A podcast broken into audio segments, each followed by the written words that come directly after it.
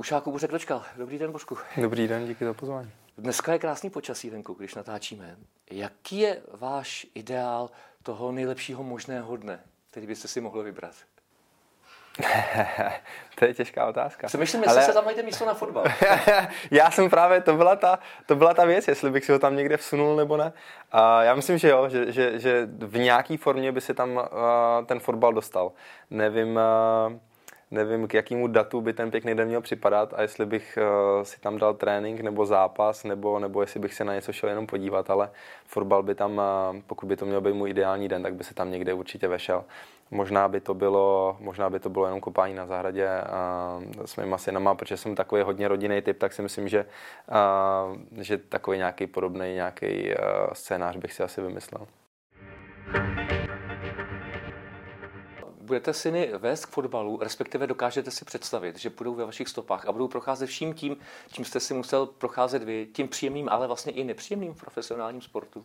Já v tomhle tom bych ale nic neměnil. Jako, tohle je zrovna třeba téma, který uh, já si myslím, že mi fotbal e, toho hrozně moc v životě dal a v různých směrech. Nejenom v tom, jaký jsem mohl e, jako pozbírat fotbalový zážitky, jaký jsem si mohl za, zahrát zápasy, jaký jsem mohl poznat místa, ale, ale i si myslím jako ve vývoji a jako člověka to pro mě bylo hrozně důležité, že jsem procházel tím kolektivem už od mala a poznával jsem spoustu lidí a bylo potřeba samozřejmě se nějak jako učit přizpůsobovat a, a dělit a, a fungovat v tom kolektivu a, a snažit se dělat si nějaký vazby a, a v těch vazbách potom i celý život třeba dál jako pokračovat. Kdyby tuhle, touhle zkušeností mohly projít moje děti, tak to bych jim jenom doporučil.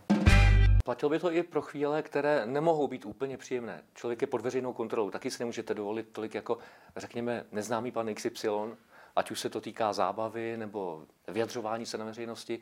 A když už člověk je snímán kamerami při zápase, tak kolikrát se probírá tohle gesto týden a tamhle ta věta dva týdny.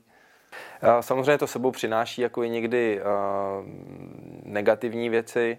A já si myslím, že jako člověk, pokud už se potom dostane na nějakou úroveň a ví, že, že je sledovaný, tak samozřejmě se musí tomu trošku přizpůsobovat. A, a nebo bude dělat chyby tak, jako je dělají všichni, ale a prostě si ponese jako ty následky a, trošku víc veřejně, než, než třeba lidi, který, který a, známí nejsou. V průběhu té kariéry já jsem měl potom možnost si uvědomit, že proto, aby člověk jako tím fotbalem zažil věci, které si bude pamatovat na, na do konce života, tak, tak to sebou ten tlak prostě přináší a přináší to i ty nepříjemné věci. Vy jste v kariéře už taky procestoval kus světa ve smyslu pracovních angažmá. Ono se to možná v Česku dneska už málo ví, ale vy jste začínal v Turecku v Konyasporu? Uh, já když se na to zpětně jako koukám, tak asi je to krok, který uh, uh, většinou v životě to mám tak, že když už nějaký rozhodnutí udělám, tak, eh, tak už nad tím nepřemýšlím, jestli bych ho vzal zpátky nebo jestli bych to udělal jinak. U toho Turecka to trošku tak je a, a říkám si, jestli jsem se jako nemohl vydat v tu chvíli třeba jinou cestou nebo být ještě chvilku trpělivější, ale já v tu dobu už jsem ač mi nebylo hodně, tak už jsem měl v té české lize toho odehráno hodně a měl jsem pocit, že bych jako měl si vyzkoušet něco, něco dalšího, zkusit se posunout někam dál a navíc ten vývoj v Liberci v tu dobu prostě nebyl takový, jak já bych si představoval. Já jsem do Liberce šel, když jsme hráli třeba nějaký třetí, čtvrtý místo a odcházel jsem, tohle to bylo v době, kdy jsem viděl, že jako máme tým třeba na střed tabulky a že vlastně jako nebudeme hrát uh, o poháry nebo o to, co by mě jako lákalo. Takže v tu chvíli uh, mi to přišlo, že nemám co ztratit, že zkusím něco venku. A ale my jsme měli dobrý podzim s 21 během, během toho angažma a postoupili jsme, vlastně jsme si zajistili účast na mistrovství Evropy a tím pro mě to bylo uh, jako jasný znamení, nebo věděl jsem, že je potřeba, abych se uh, vrátil zpátky a, a během toho jara se v klidu v Čechách doma připravil jakoby na to euro, který nás čekalo. Druhá štace ta přišla v Norsku a aspoň podle toho, co já jsem měl možnost číst, ale třeba i konzultovat s norskými kolegy, tak to bylo úspěšné angažma v Trondheimu. Líbilo se vám Norsku? Nám se Norsko hrozně líbilo jako země. A líbí se mi, jak je tam nastavený život, hodnoty, a jaký mají lidi vztahy mezi sebou, jak, jaká je tam prostě ta kultura obecně. A, a fotbal mě tam bavil taky. Fotbal se hrál, musím říct, oproti třeba český lize mnohem víc otevřený. A bylo asi jednodušší o trošku se tam nějak prosazovat gólově a, a nebo jakkoliv bodově, protože jednak jsem hrál v top týmu v té lize. a jednak, jak říkám, i když přijel prostě poslední tým, tak se snažil hrát a, a nebylo to, že by přijeli hrát jenom za Anděura a, a bránit na remízu. Takže Norsko byla jako skvělá etapa, tam bohužel to neskončilo to angažmá tak, jak jsem si jako představoval, nebo a, prostě jako tak nějak nečekaně se to trošku zlomilo ke konci toho angažma, ale, ale to mi zase otevřelo dveře do Sparty, takže a, samozřejmě v tu chvíli jsem to jako nevnímal a, jako pozitivně a byl jsem z toho zklamaný, musím říct, ale na druhou stranu potom jsem zažíval skvělé věci tady. Takže dá se říct, že kdyby eh, ty okolnosti byly trošku jiné, tak jste možná v Norsku kopal doteď? Ne, já si myslím, že to směřovalo celý k tomu, jako že udělám další krok jako někam směrem do Evropy třeba. Mnoho hráčů, když si má člověk mluví, tak spíš někde mimo kamery, tak říká, no víš co, mě agent do toho tlačil a říkal, že to musím podepsat, protože pak už nic nepřijde, tak já jsem to podepsal, pak sedím dva roky na lavici. Jak to bylo u vás? Měl jste hlavní slovo při mm. rozhodování? Mm. Jo, a vybavuju si i ty momenty, kdy jako třeba a když jsem vlastně měl za sebou půlroční hostování nakladně a v nějakých těch 18 letech, a který mi hrozně pomohlo a tam jsem cítil, jako, že to pro mě byl takový odrazový můstek jako někam dál a, a já jsem hned po tom půl roce cítil, ale že to jako chci posunout někam dál. A tehdy třeba si pamatuju, že jsem od toho jako byl zrazovaný a že ty lidi kolem mě spíš chtěli, ať jako tu sezónu ještě na, dohraju na tom kladně, že tam mám nějakou svoji pozici. V tu dobu mi bylo 18, moc zkušeností jsem neměla, ale už jsem prostě věděl, že to cítím nějak jinak a, a jako přesvědčil jsem ty lidi, že, že ten krok udělat chci a že do toho Liberce a, a chci jít jako hráč nikdy neví úplně přesně třeba ty informace, jak, jak, jak hodně ten klub u vás stojí a tak dál. Ale zároveň jsem měl vždycky tu možnost jako dát na nějaký svůj třeba první dojem a potkal jsem se se zástupcem a vlastně všech klubů vždycky, než jsem někam přestupoval, tak samozřejmě to, jaký si z toho odnesete dojem, tak je pro nějaký další rozhodování vždycky důležitý. Třetí štace venku Chenan v Číně. Pro spoustu lidí určitě překvapení, že jste si vybral zrovna tuhle destinaci. A, a já vím, že se hm, hodně různily názory. Někdo říkal, jasně, něco tady odkopal, je to angažmá, které dokáže zajištit rodinu na x let dopředu, chápu, udělal bych to taky. A pak byl i druhý názor, který říkal, no jo, ale čínská liga pořád pro kluka ve velmi produktivním věku, není to brzo jít do Číny.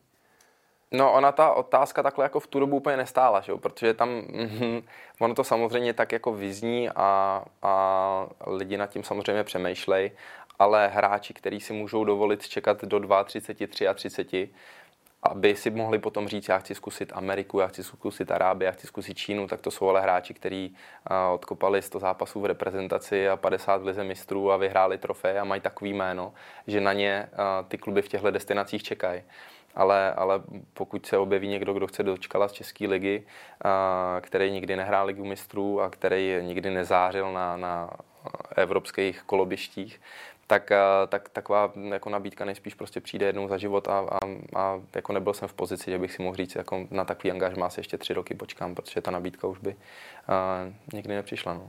A překvapilo vás, že přišla nabídka zrovna e, z Číny? No, překvapilo a bylo to zrovna třeba jako mm, nabídka nebo destinace, o který když se tak jako čistě teoreticky bavíte se spoluhráčema, ať už na repre nebo, nebo v klubu a, a říkáte si, jako, kde by mě to lákalo, kam by se mi chtělo jít, kam by se mi nechtělo jít, tak, tak Čína vždycky vím, že to bylo jako takový téma, že to bylo strašně těžké jako o tom vůbec přemýšlet a říkat si, jestli by to za to stálo a, a jakou hodnotu mají ty peníze a, a, a takový to porovnávání, jako stálo by to za to nebo nestálo bylo u mě vždycky hrozně složitý a spíš jsem se vždycky přikláněl k tomu, že si to moc neumím představit, že si spíš myslím, že bych jako nakonec řekl ne. A, a doteď si vlastně jako pamatuju, že pak celý ten proces toho rozhodování a, a, a to, jak to jak se vlastně jako měnila, upravovala ta nabídka, jak byly takové vlny, jako že chvíli jsem byl rozhodlý, že určitě ne, a chvíli zase to vypadalo, že jo, tak vím, že to bylo hrozně jako nestabilní a složitý období. No.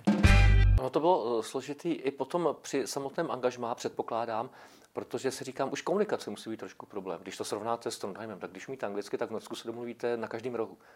V Číně? No samozřejmě, tak jako to je, to je, to je velký problém v tom klubu, to celkem jako bylo podchycený a, a, a vyřešený tím, že tam jako kolem nás byli lidi, kteří eh, tam byli od toho, aby překládali ale samozřejmě nikdy to není to stejné, jako když se bavíte s někým napřímo a, a slyšíte, co říká, rozumíte to, tomu, co říká a naopak on rozumí vám, takže samozřejmě mluvit přes nějakého prostředníka nikdy není úplně optimální. Na druhou stranu musím říct, že tohle asi nebyl ten úplně jako největší problém v Číně. A, a vlastně doteď, když se mě lidi ptají, jako v čem to bylo tak těžké, nebo co bylo to nejzásadnější, tak se hrozně těžko jako asi bych se nedokázal vyjádřit tak, abych jako řekl jednu věc. Ale je to tolik střípků, tolik jako odlišností a tolik uh, růzností oproti tomu, jak prostě tady v Evropě celý život já jsem byl zvyklý žít, že se to prostě potom skládá a, a, a tvoří to jako tu, tu finální mozaiku. A my jsme tu nabídku odmítli na poprvé a pak to samozřejmě ještě mělo nějaký vývoj. My jsme ze Spartu hráli v Rostově, kde jsme dostali tři nebo čtyři góly. A a jako nějak se samozřejmě jako víc rýsovalo, jak bude vypadat zbytek toho jara a tak dál. A, a Číňani tu nabídku dál jako navyšovali, jak mě, tak klubu. A vlastně to finální rozhodování bylo takový, že já jsem řekl, že potřebuji, aby se mnou jako jela i manželka, i když do fotbalu jí normálně takhle jako do toho rozhodování nezapojuju a, a vždycky jako manželka v tomhle dávala na mě. Tak ale u tohohle jsem řekl, jako mm, máme malý dítě a já bez vás prostě nepůjdu a potřebuji, aby ty tam jela, jako viděla to se mnou a, a jestli řekneš, že že si to neumíš představit, tak, tak do toho prostě nepůjdeme. A byla to velká úleva potom, když eh, přišla nabídka na, na rok ve Filadelfii? Úleva byla, bylo hlavně to, že jsem dostal to schválení tam jako odejít, protože já jsem o té nabídce do Filadelfie věděl vlastně už hned od konce sezóny, a ten jejich zájem jako byl vytrvalý a, a, a, a takový jako intenzivní a pořád jsem cítil, jako, že, že by to byl správný krok. Do té doby, než jsem dostal v, v Číně to schválení, tak, tak to byl jako dlouhý, složitý proces a musel jsem si to jako dost tvrdě vybojovat, abych, a, abych tu možnost odejít dostal. No. A jak se s nima vůbec bojuje? A, tak jak fotbalista jenom může bojovat, to znamená, že jako neukazuje úplně zájem na tom tréninku a, a, a snažil jsem se jako to prostě komunikovat s těma lidma, kteří to měli na starost, to znamená v tu chvíli s trenérem a, a s generálním manažerem, který tam jako poblíž tomu týmu, a, tak nějak jako týden byl, týden nebyl. A dlouho to vypadalo dost beznadějně a pak, a, pak naštěstí někdy až kolem půlky toho února, tak, a, tak se to zlomilo a oni mi na to nakonec kejvli. A jaký uh, fotbalově byl rozdíl mezi Spojenými státy a Čínou opravdu nějak markantní? Hmm, hmm, jo, určitě jako v té kvalitě to byl velký rozdíl. A jednak kvalita čínských hráčů, amerických hráčů je nesrovnatelná. A I ten přístup k fotbalu je nesrovnatelný. A jednak to vedení, to, jaká byla struktura v tom klubu, jaký jsme měli uh, trenéry, zázemí, uh, nějaká taktická vyspělost a tak dále. Tam jako na všech úrovních to bylo, musím říct, jako nesrovnatelný a plus i cizinci. Tam bylo vidět na těch, na těch klukách, kteří byli v Číně, takže že si tam vyloženě jako přišli vydělat peníze a tak nějak jako a, to odehrát, zatímco ty cizinci, který jsme měli v Americe, tak to byli kluci, kteří jako fakt něco zažili, ale ten fotbal je pořád ještě dál jako bavil, naplňoval. Vy jste ten, který by měl do jisté míry řídit hru týmu, skvělý rozehrávač, nahrávač, ale teď, když nemáte moc kým hrát, tak je to přece jenom, tak když to řeknu lidově, na palici, ne? Jo, jako já si myslím, že jsem tam vlastně tím svým herním pojetím do toho nějak extra ne, nezapadal. Já nevím, jako toho úplně jako v tu chvíli měli představu oni. Tam největší platnost mají ty hráči, kteří přijdou a mají jako ty individuální schopnosti, tu rychlost a, a umějí obejít dva, tři hráče, zakončit a hrajou to sami na sebe. Jste se vrátil do Sparty definitivně, tak uh, spartianský fotbalový lid zajásal, protože uh, najednou měl v očích jednoznačnou myšlenku, Bořek je zpátky, tak už to bude fungovat. Že vás vidí tak trošku jako spasitele, což samozřejmě je primárně nesmysl, ale uh, lidi vám to stejně úplně neodpářou. Jako kdyby se měl člověk zabývat vším tím, co si lidi myslí, nebo co se, co se píše a tak dál, uh, tak, tak nedělá nic jiného a jako dostává se pod akorát jako ještě větší tlak, než já sám, já sám s nějakým očekáváním tam jdu a, a, a věřím, že, že jsem měl možnost s tím týmem trénovat a vidět ho, tak já v něm prostě ten potenciál nějaký vidím. Já jsem udělal to rozhodnutí, že do té Sparty chci jít a sám o toho nějaké očekávání mám. Ale odcházel jste eh, z jiné Sparty, než do které jste se vrátil. Teď předpokládám, že ta kabina vypadá jinak. Situace kolem je taky úplně odlišná.